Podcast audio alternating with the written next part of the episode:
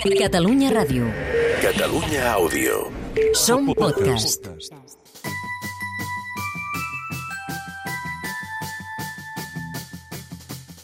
Sants i estalvis.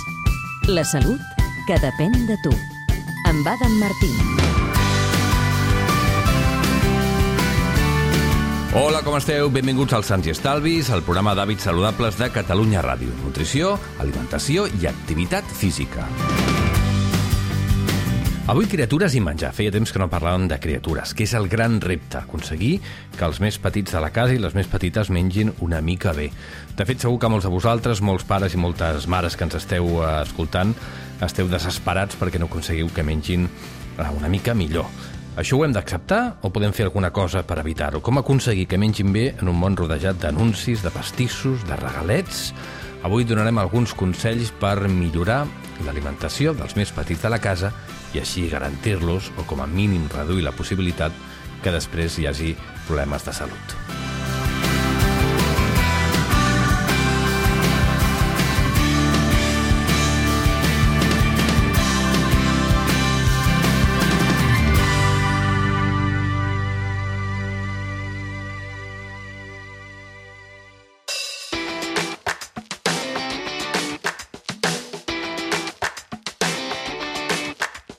Abans de començar amb els consells, és important que expliquem per què cal que una criatura mengi bé. Bàsicament per tres raons. La primera, perquè millora la seva salut. Què vol dir això? Perquè és un concepte una mica vaga. Doncs, entrada, que millora el seu rendiment físic, que millora la seva qualitat del son, que millora el seu estat d'ànim, que els ajuda a concentrar-los millor, etc. El menjar no és màgic, però sí que fa que una criatura pugui desenvolupar-se al màxim de la seva capacitat, i això és fonamental. Després, òbviament, hi ha la qüestió de l'obesitat. És important que mengin bé per evitar, per allunyar els problemes d'obesitat i de sobrepès. Bé quan siguin criatures, que ja és un problema en si mateix, o bé quan siguin adultes. La majoria de persones adultes que tenen problemes amb el pes en tenien també quan eren criatures. Segons eh, les dades de l'enquesta de salut de 2020 de Catalunya, el 50% de la població entre 18 i 74 anys té excés de pes i en el cas de les criatures entre els 6 i els 12 anys el 36% de les criatures a Catalunya tenen excés de pes, el 24% sobrepès i el 11,7% obesitat. Recordem, ja s'ha de repetir perquè ara últimament ens està costant una mica parlar del tema d'obesitat, perquè sembla que la mínima estigui sent obesofòbic i res més lluny de la realitat, l'obesitat és un problema de salut, no és un tema estètic. Tots els estudis del món mundial ens ho diuen. És una malaltia inflamatòria en si mateixa i, a més a més, també és la porta d'entrada a moltes altres malalties, com la diabetis, per exemple. De fet, cada vegada hi ha més criatures amb malalties que abans es manifestaven només en persones adultes. Criatures amb diabetis tipus 2, criatures amb colesterol, criatures amb hipertensió i, evidentment, no cal dir que un dels factors principals que expliquen això és la mala alimentació, l'accés de pes i, evidentment, també el sedentarisme. I l'última raó és a reduir la possibilitat que pateixin un trastorn de la conducta alimentària durant l'adolescència, un TCA. Els TCA ja sabem que depenen de molts factors, que són multifactorials, però com a mínim, si els cuidem bé la seva alimentació, els eduquem bé per entendre bé la relació que hi ha entre la seva alimentació i la seva salut de manera global, podem eliminar el factor alimentació de l'equació possible que desenvolupin un TCA per altres raons, però com a mínim haurem fet tot el possible perquè no sigui així. Entrem als consells.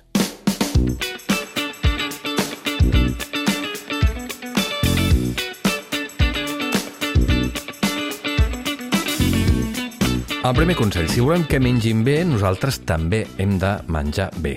Les criatures ho aprenen absolutament tot per imitació i amb el menjar no és diferent. En aquest sentit, tampoc hauríem de fer un àpat diferent per als adults i per les criatures.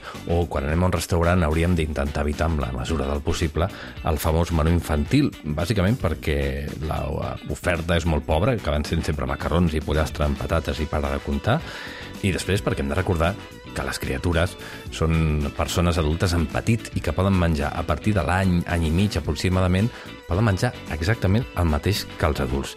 I de fet és important que ho facin perquè si no comencem ja a tenir problemes des que són ben petits i a tenir problemes perquè comencin a menjar determinats aliments. Si el que us atabala és el preu del, evidentment, del plat d'adults quan demanem un restaurant, demaneu mig plat o senzillament compartiu el menjar que teniu vosaltres amb les vostres criatures per arribar a estalviar. Un altre consell, començar des de ben petits amb un ritual previ a l'àpat. Rentar-se les mans, per la taula, si són petits i cal posar-se el pitet, etc. Hi ha un famós experiment, que és el de Pavlov, que és el pare del conductisme, recordeu, que cada vegada que donava menjar a un gos feia sonar una campana, una campaneta, i a partir d'un dia determinat només feia servir la campaneta, només feia sonar la campaneta, però no donava menjar al gos, i el gos igualment salivava. Aquest és un experiment clàssic que segur que coneixeu. Doncs als Estats Units se'n va fer un de similar amb una escola bressol eh, i allà posaven música, una música determinada i uns llums concrets abans de dinar, sempre, de manera repetida. Fent això aconseguien que les criatures entenguessin que era el moment de menjar i van incrementar de manera substancial el que menjaven i la qualitat del que menjaven. Després, és molt important seguir uns horaris fixos. Aquest consell en aquest país és pràcticament un impossible, però és molt important que esmorzem, que dinem i que sopem sempre a la mateixa hora. I això, amics meus, també inclou el cap de setmana, que normalment de dilluns a divendres eh, més o menys seguim un horari similar, però de cop i volta al cap de setmana ens trobem dinant un diumenge a les 5 de la tarda. Això sembla una tonteria, però és molt important perquè fa que l'organisme funcioni molt millor. Això ens ho explica millor la ciència de la cronobiologia. Si sempre mengem cada dia, a la mateixa hora, i fem els àpats a la mateixa hora, aconseguim sempre avantatges substancials perquè fa la digestió i perquè fa l'absorció dels nutrients. I, evidentment, això sobretot també passa en criatures. Després, una altra qüestió. El que no ens agrada a nosaltres és bastant probable que no els agradi a les criatures encara que nosaltres eh, insistim en que mengin cols de Brussel·les, mongetes verdes, etc., si a nosaltres no ens agraden, de manera inconscient estem traslladant els nostres gustos a les nostres criatures.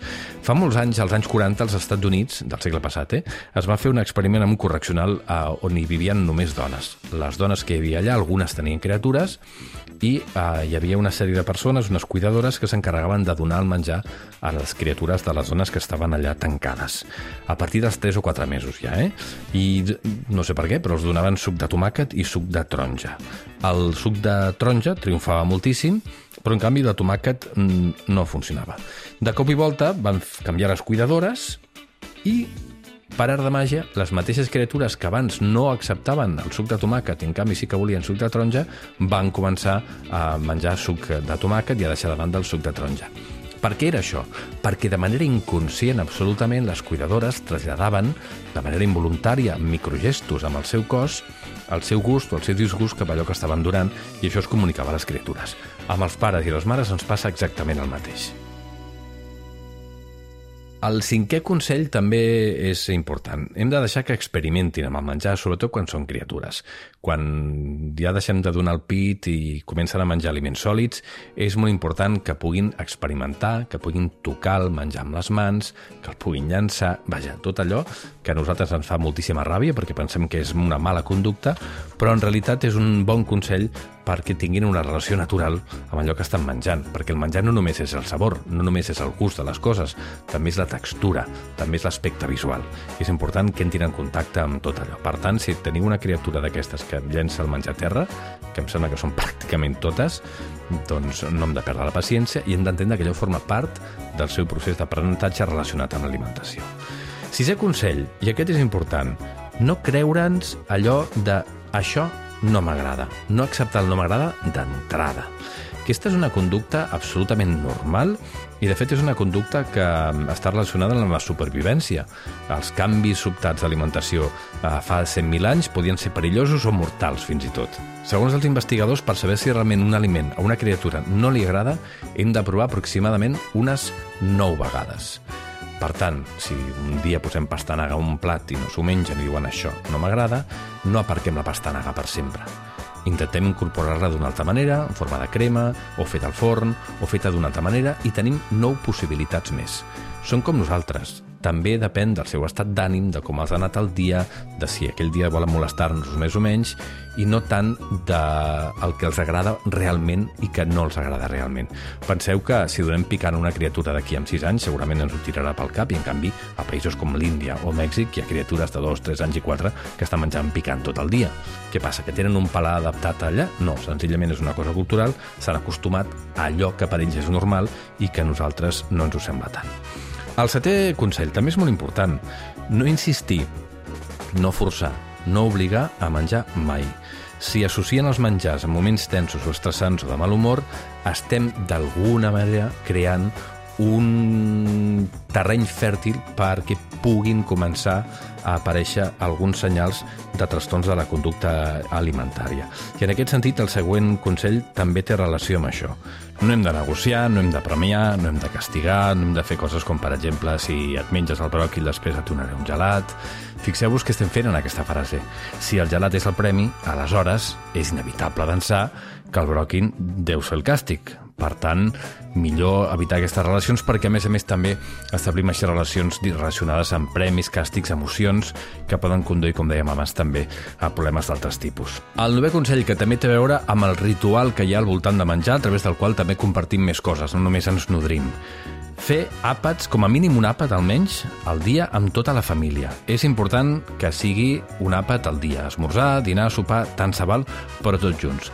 Per què? Més enllà de les consideracions de la, del sentit comú i de les coses òbvies, de nou, els estudis ens diuen que els nens i nenes de famílies que mengen plegades mengen molt més sa que aquelles famílies que mengen ara un, ara l'altre.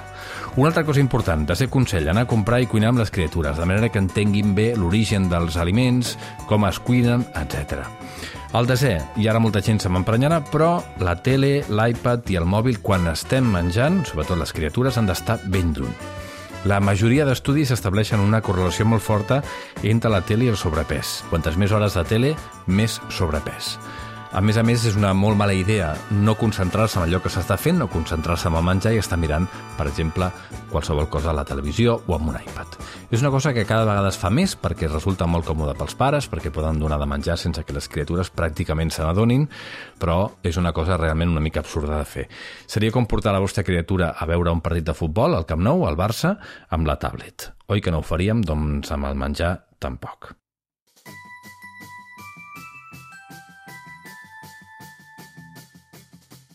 I un parell de consells més dels molts que podem donar per millorar la relació de les nostres criatures amb l'alimentació. De tant en tant portar-los a menjar a restaurants exòtics, si ens ho podem permetre, per exemple, i atrevir-nos a demanar coses noves, a tastar productes nous, sabors nous, intensitats noves. Potser ho deixen, però així veuran que hi ha altres maneres de menjar també. I l'última, segurament, potser aquesta és la més important, però calia donar aquest consell al final de tot és molt important saber-se relaxar, saber fer excepcions. Aquest és el consell fonamental, però clar, perquè hi hagi una excepció ha d'haver-hi una regla. Per tant, si el 90% del temps mengen bé, no té cap tipus d'importància que després, quan van a una festa d'aniversari, doncs, menjar una mica el que mengen la resta de criatures. Eh, per tant, no cal estressar les criatures perseguint-los a la festa d'aniversari perquè mengin una poma quan els seus companys estan menjant no sigui un producte que és evident que és de mala qualitat i que no és saludable, però que forma part també d'aquell context. Relaxar-nos també és molt important. Si seguiu alguns d'aquests consells, segur que aconseguireu millorar la salut de les vostres criatures i no hipotecar el seu futur en aquest sentit. Fins la setmana que ve.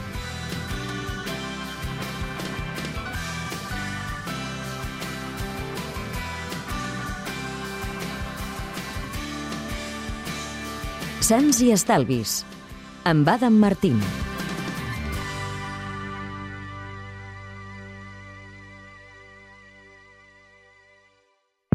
Catalunya Ràdio. Catalunya Àudio. Som podcast.